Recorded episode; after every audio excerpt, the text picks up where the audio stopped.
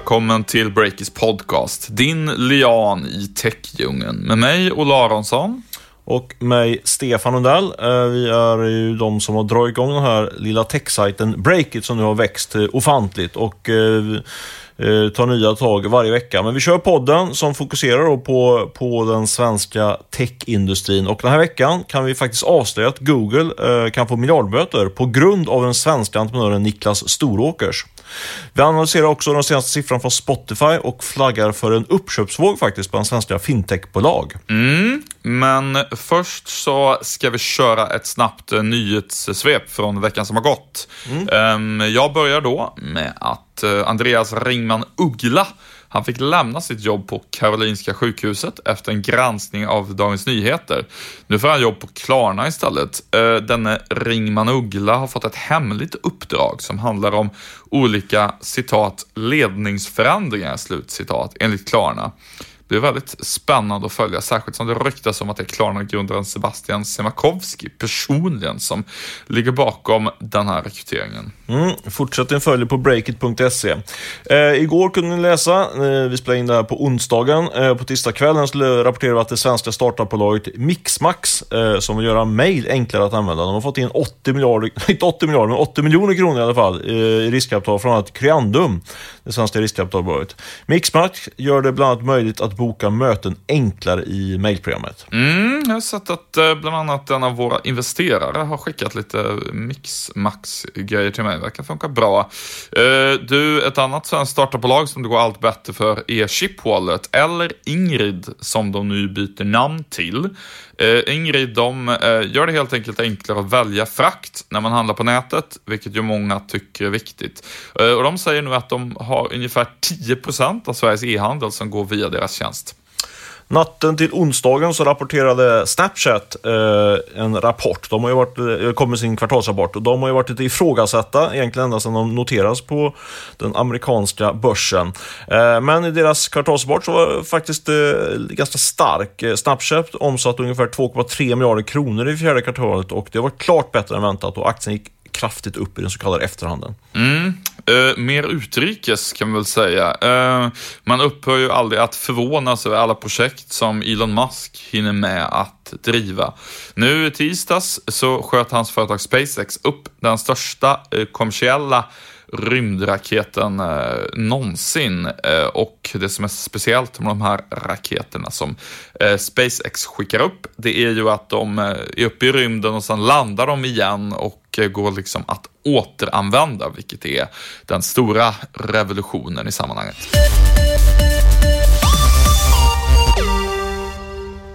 Vi har med oss Rackfish som huvudsponsor den här veckan och de är ju det svenska bolag som satsar på kvalitet inom hosting. Mm, och att de finns med som långsiktig sponsor, det innebär också att Rackfish är med och indirekt finansierar Breakits kvalitetsjournalistik. Om du vill veta mer om deras tjänster eller komma i kontakt med Rackfish så gå in på rackfish.com. Rackfish.com. Mm, spana in det om du till exempel har en sajt som har börjat växa och ta fart och du känner att du vill skala upp din hostinglösning så att du är redo för mer trafik. Rackfish.com. Nu ska vi släppa en nyhet som eh, potentiellt skulle kunna skaka om sökgiganten Google, i alla fall lite grann. Eh, Stefan, du har tagit fram spaden och grävt på klassiskt journalistvis. Vad har du hittat? Ja, det är väl kanske överdrivet lite grann. Jag ringde ett samtal och av en händelse så fortsatte jag prata med den här personen en liten stund extra, eh, förutom mitt eh, vanliga ärende. Det var så att jag pratade med Niklas Storåker som sprang med på ett av våra event här under våren. Han eh, var ju tidigare chef för Avanza och är nu stor investerare och även VD för den här prisjämförelsesajten Pricerunner. Och då, när vi eh, hade pratat klart om den ena saken, så gick vi in på den andra. Och det, innebär, och det Då visade sig att Niklas Oråkers var på väg ner mot Bryssel. Eh, han ska faktiskt eh, ställa upp någon form av eh, vitt vittne där kan man säga inför EU-kommissionen. Storyn är så här att eh, för i somras då så, var det ju, eh, så fick Google, eh, jag tror det var den största boten i europeisk historia. De fick böta 20 miljarder kronor för att de hade gynnat sig själva på bekostnad av andra prisjämförelsesajter. Det är inte så superkänt men Google har en, en egen prisjämförelsetjänst som heter Google Shopping som är ganska stor och e EU-kommissionen kom fram till att, att den hade gynnats då i, när man sökte på olika saker. Eh, hamnade man eh, av en händelse alltid på Google Shopping och inte på till exempel Pricerunner då. Och det där föranledde eh, EU-kommissionen att utdela böter på, på det här jättehöga beloppet. Eh, det var det som hände i somras, men det som, det som hände nu då, det som även fanns med i det här beskedet från EU-kommissionen var att om inte Google genomförde ett antal åtgärder och förbättrade eh, sig på den här punkten, då skulle man åka på nya böter. Eh, och enligt då Niklas Storåker så har man inte förbättrat sig. Nu får man väl ha en brasklapp att eh, Storåker står företräder en konkurrent, men, men eh, han har ändå på ett relativt objektivt sätt kunnat iaktta det här och eh, även då EU-kommissionen. Och det där ska han ner och vittna om i, i, i, imorgon tror jag det var. Eh, och det kan innebära att eh, Google åkte på rejält eh, höga böter igen faktiskt. Och vad kan hända då om EU-kommissionen håller med Storåkers och anser att Google inte har gjort tillräckligt? Ja, då kommer, då får han, får man, kommer de få ytterligare en, en bot på, jag tror det är motsvarande 5% utav Eh, om det var vinsten eller omsättningen vet jag inte i, i, detta, i talande stund. Men det jag vet är att vi, om man räknar ut det där så motsvarar det faktiskt 4 miljarder kronor i månaden som Google kommer få böta extra. Alltså 130 miljoner kronor ungefär per dag. Eh, och det är ju rätt mycket pengar även för en sån jätte som Google får man säga. Ja, och eh, går de liksom till EUs budget då bara? Kan vi få olika spännande infrastrukturprojekt i Dalsland och annat? För det blir man ju lite nyfiken på. I men, Dalsland just? Ja, det, ja, ja. Nej, varför inte? Men du, äh, men det är en annan fråga. Eh, väldigt kittlande eh, tycker jag. Det är ju så pass stora summor att det faktiskt har um, finansiell substans även för, även för Google. Ja, men så är det. Alltså, när, de, när de fick den här boten på uh, dryga 20 miljarder i somras då, så var det ju en världsnyhet och det motsvarar faktiskt en, en fjärdedel utav Alphabet heter de väl, deras moderbolag då. Mm. Eh, det, det enda bolaget som har några riktiga intäkter kan man säga. Ja, precis. En fjärdedel av deras kvartalsresultat. Så det, det är ju någonting som verkligen får betydelse för för aktiekursen och aktieägarna, eh, bland annat. Eh, så så det, det, där har, har ju eh, viktiga och stora implikationer. Sen kan man ju också tänka sig att, eh, att det är goda nyheter för Pricerunner, för då får de ju lite mindre konkurrens och eh, Pricerunner är ett rätt spännande bolag som vi inte pratat så mycket om, men eh, det är ju liksom en, en klassiker kan man säga i internet, svenska internetsammanhang, men de har ju fört inte en tydande tillvaro, men de har inte varit så himla publika. Uh, det har de väl, i och för sig de som söker på, som letar efter eh, billiga varor på nätet så är det väl något man hamnar på rätt ofta. Men de har inte varit, eh, vad ska man säga, heta på stan bland folk som tittar på och investerar, bland oss i medierna och kanske inte heller bland folk som söker jobb på techbolag. Nej, men, men nu har de ju stöpt om det där och lanserat en ny tjänst. Ja, men precis. De fick ju in då Niklas Storåkers tillsammans då med, med Hennes Maurits VD och storägare Carl-Johan Persson och Nordstjärnan eh, som är Axelsson Jonsson-familjen. Så det är riktigt tunga ägare bakom Priceline numera. De investerar ungefär en miljard i det här bolaget. Om det blir så, som, eh, som det ser ut att bli, så, så är det här goda nyheter för Priceline och eh, det kanske går i slutändan att bli en väldigt bra investering för Carl-Johan Persson. Det kan han ju glädja sig nu när det går så halvbra för H&M. Du, väldigt intressant med eh Price Runner. Eh, det finns nog mycket att göra där nu för dem när e-handeln växer så mycket. Nu ska vi prata om eh, ett bolag som eh, inte har varit i någon typ av medieskugga senaste åren, Spotify. Det händer ju saker hela tiden där. Börsnoteringen ligger liksom runt hörnet och nu har det kommit hårda siffror om hur det egentligen går för Spotify, vilket vi ju alltid sätter tänderna i direkt. Mm, verkligen. Det var eh, i, i eh, går, sent igår kväll, på tisdagskvällen, så kom eh, min favoritsajt eh, som jag till och från har prenumeration på, The Information, en betalsajt. Nu har jag signat upp igen för att jag skulle kunna läsa alla detaljerna om det här, den här breaking news-historien kring Spotify. De kommer med, de avslöjade hur, hur det har sett ut i, med kvartalssiffrorna för 2017 och även med en prognos då för helåret 2017 när det gäller om omsättning och resultat för Spotify. Och det går väldigt bra om man tittar på försäljningen. Den är upp eh, över 40 procent 2017 jämfört med 2016 och det är ju väldigt starkt med tanke på att bolaget faktiskt inte är någon liten startup längre direkt utan de kommer ju omsätta, eller omsatte ish 40 miljarder kronor 2017. Så det är ju väldigt få bolag i den storleksordningen som kan, som kan uppvisa sån stark tillväxt. Samtidigt då så gör man fortfarande stora förluster, miljardförluster, även om de förlusterna ser ut att minska. Det blir ungefär 3 miljarder nu 2017 jämfört med 5 miljarder 2016. Eh, ja, väldigt spännande och visar, visar att eh, bolaget eh, är en riktigt stor bjässe numera. Mm. Samtidigt har det varit börsras nu i veckan. Du flaggade ju i en nyhetskommentar för att eh, Spotifys börsnotering skulle kunna ställas in eller skjutas upp på grund av lite oro över att sätta förlustdrivande bolag på börsen. Mm, eh, jag hånades för den där kommentaren av en av mina, mina bättre källor som sa att eh, han jämförde med information, att han sa att där har du riktig information och du bara kastar ur en massa, massa one-liners så fort börsen skakar till lite grann. Men jag vill nog hävda att det fortfarande är eh, ett eh, mycket jobbigare läge för Spotify nu jämfört med för en vecka sedan när det gäller den här börsnoteringen då som, som eh, alla räknar med ska komma under första halvåret i, i år.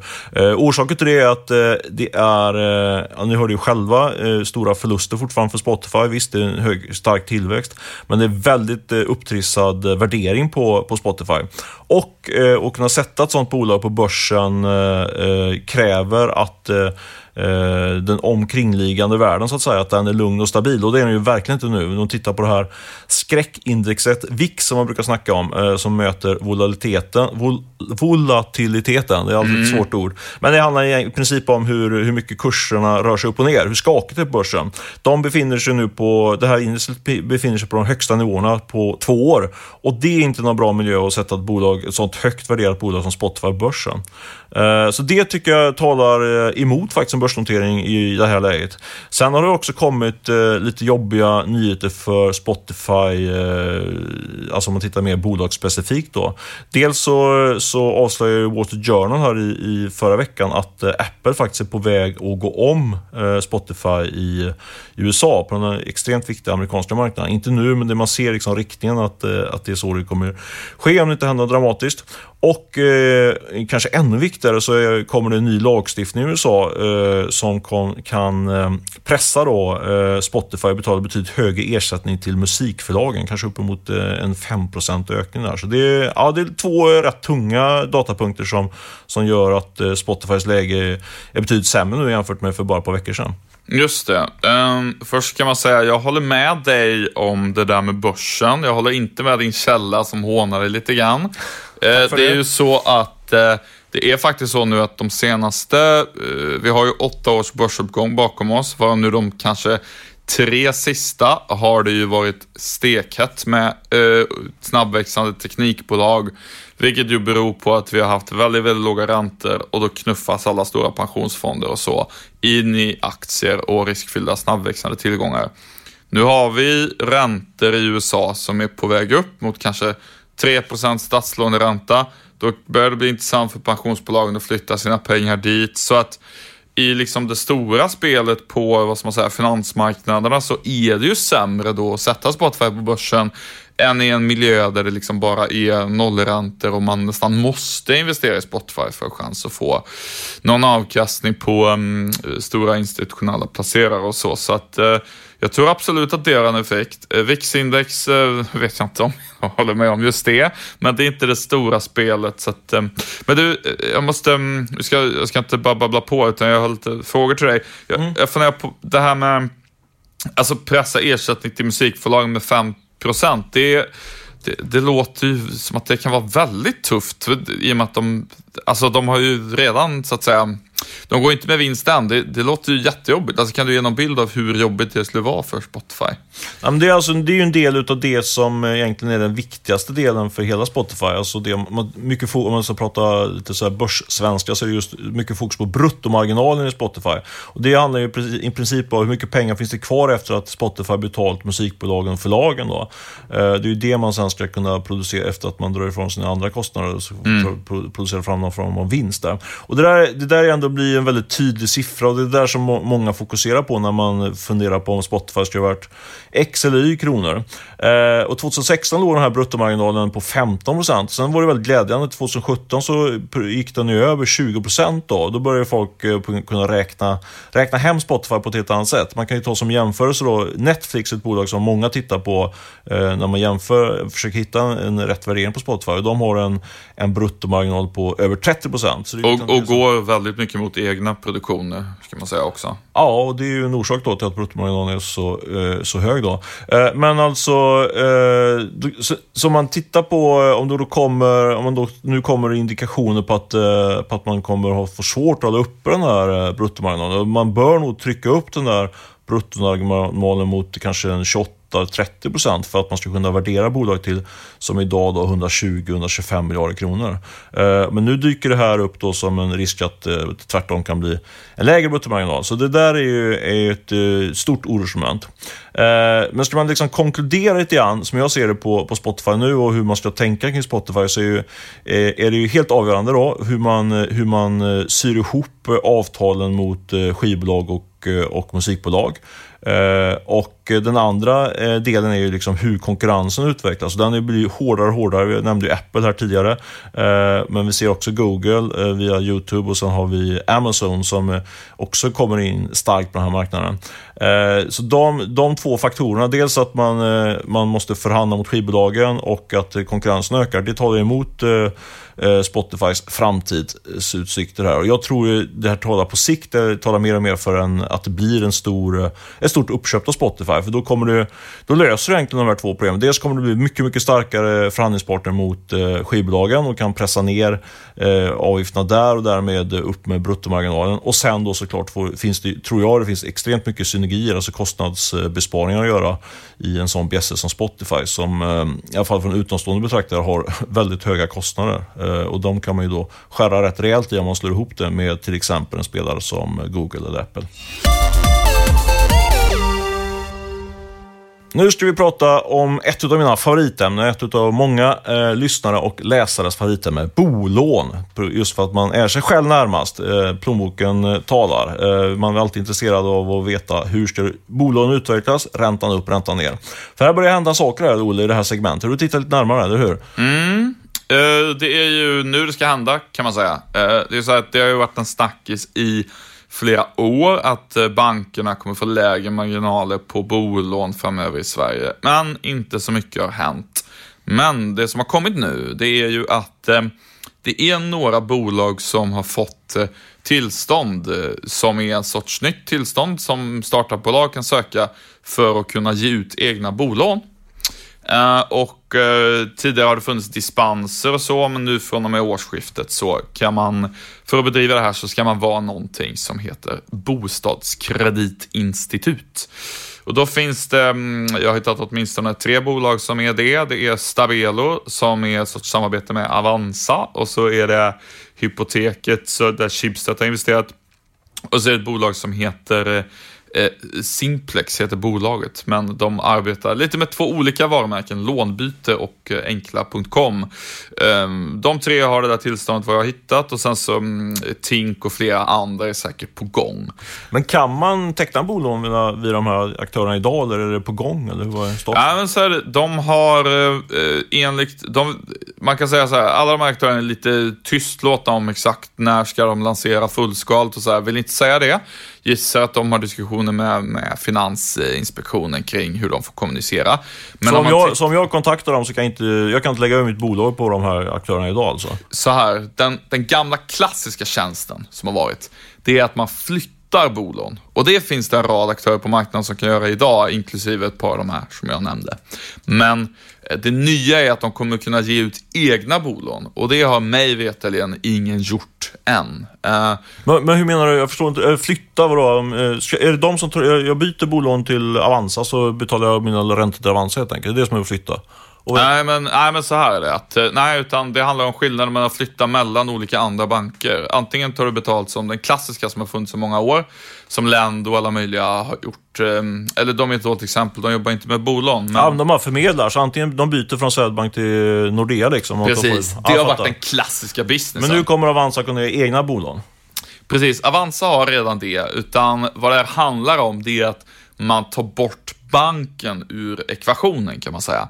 För att pengarna, när du tar ett bolån, de pengarna kommer ju förmodligen inte från banken från början, utan det är någon bostadsobligation någonstans som till exempel en pensionsfond eller någon annan kan investera i.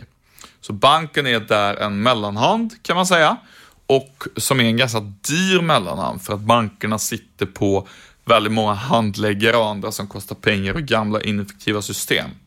Så det nya nu med de nya tillstånden, det är att de här nya aktörerna, de kommer kunna ge ut egna bolån och istället för att bara flytta runt mellan bankerna så kan de gå direkt på de här som investerar i bostadsobligationerna. Okej, okay, men då undrar man ju som, eh, det, som, I min värld så är det allra viktigaste såklart, räntan, kommer den bli lägre med de här nya aktörerna?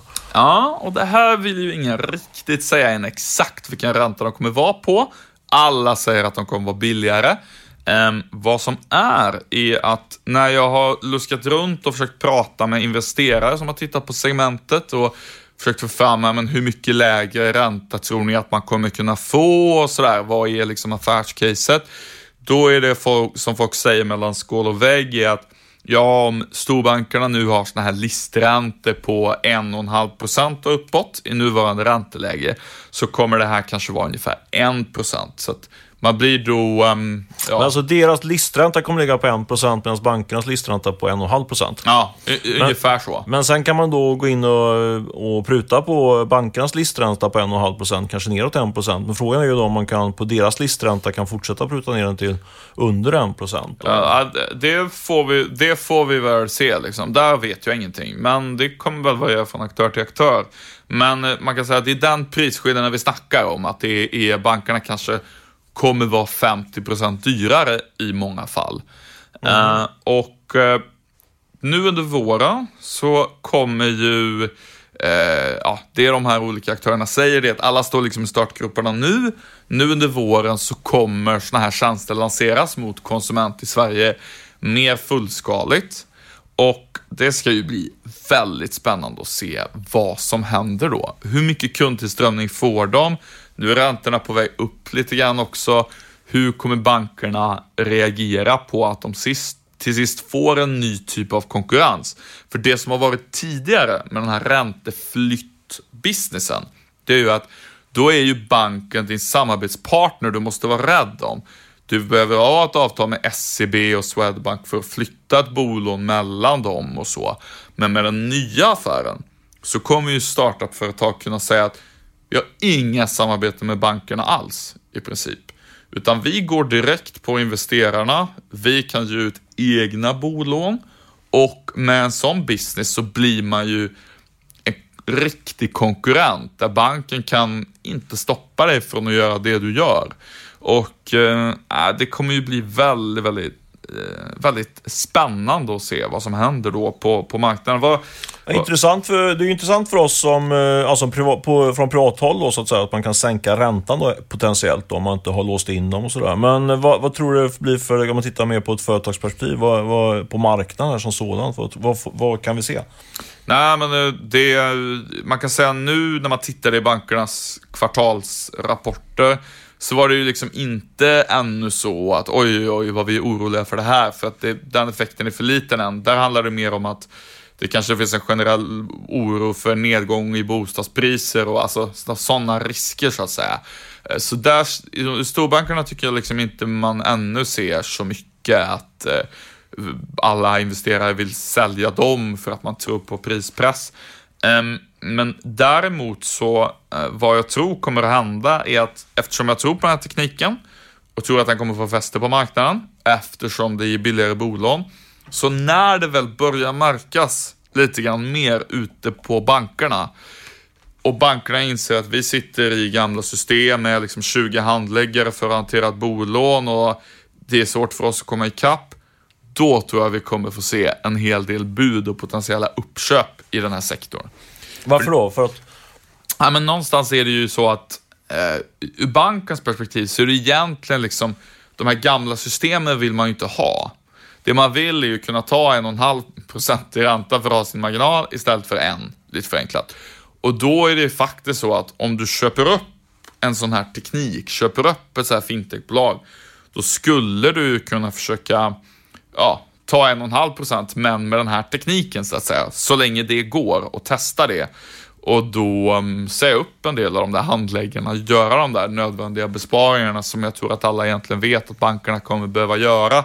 Men, det, men i långa perspektiv måste det ändå vara att bankernas marginaler på bolån kommer att sjunka? Mm, absolut. Och, och kanske nästan till och med utraderas om de har kvar kostnaderna från den traditionella handläggningen samtidigt som marginalen sjunker på grund av ny konkurrens. Men du har ingen, det är en jättesvår fråga förstår men du har ingen känsla för hur stor del är, är det liksom eh, ska man säga, övervinst och hur stor del är det att det kostar mer för dem att hantera det här jämfört med de här nya, nya spelarna? Alltså, ingen aning om jag ska vara helt ärlig. Det är ju för svårt att räkna ut, men eller det, finns säkert, det kan ju säkert finnas någon som är smartare eller mer insatt än jag som har gjort det. Utan eh, det som jag har liksom vaskat fram, det är att ja, men det är ungefär den där skillnaden i ränta.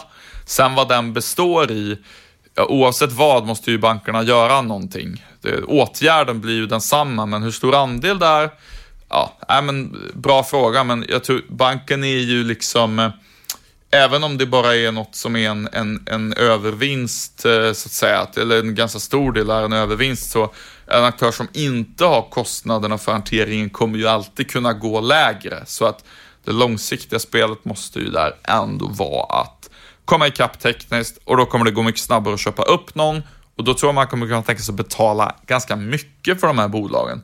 Och om man tittar på um, ett startföretag som Tink som har varit igång ganska länge och som redan har storbank som investerare och sådär, så där känns det lite som att det är lite riggat för ett, för ett uppköp där. Att, eh, att det bolaget till slut hamnar i till exempel SEBs ägo. Det är väl vad jag skulle sätta mina pengar på. Vad tror du själv? Du har ju skrivit mycket om företagsaffärer genom åren. Nej, men jag, jag tror på dig eh, och sammanfattar helt enkelt att eh, vi ser att eh, Tink eh, köps upp här för en hiskligt hög summa och sen så kan vi andra som har små, inte så små, ganska stora bolån se fram emot att sänka de lånekostnaderna rejält. Från, från 1,5 till 1 procent. Det är ju en bra, en bra eh, besparing, särskilt när räntorna är på väg upp.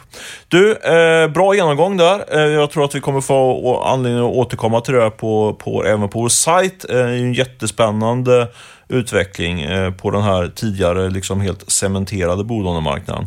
Men nu ska vi avsluta podden, eh, men innan vi gör det så ska vi såklart eh, tacka och bocka för vår huvudsponsor Rackfish och vi tackar också Beppo som hjälper oss att klippa den här podden. Jag har inget mer att säga, jag säger bara hej hej och Olle du får avsluta om du vill säga någonting. Nej men ta hand om er så hörs vi nästa vecka. Hej då!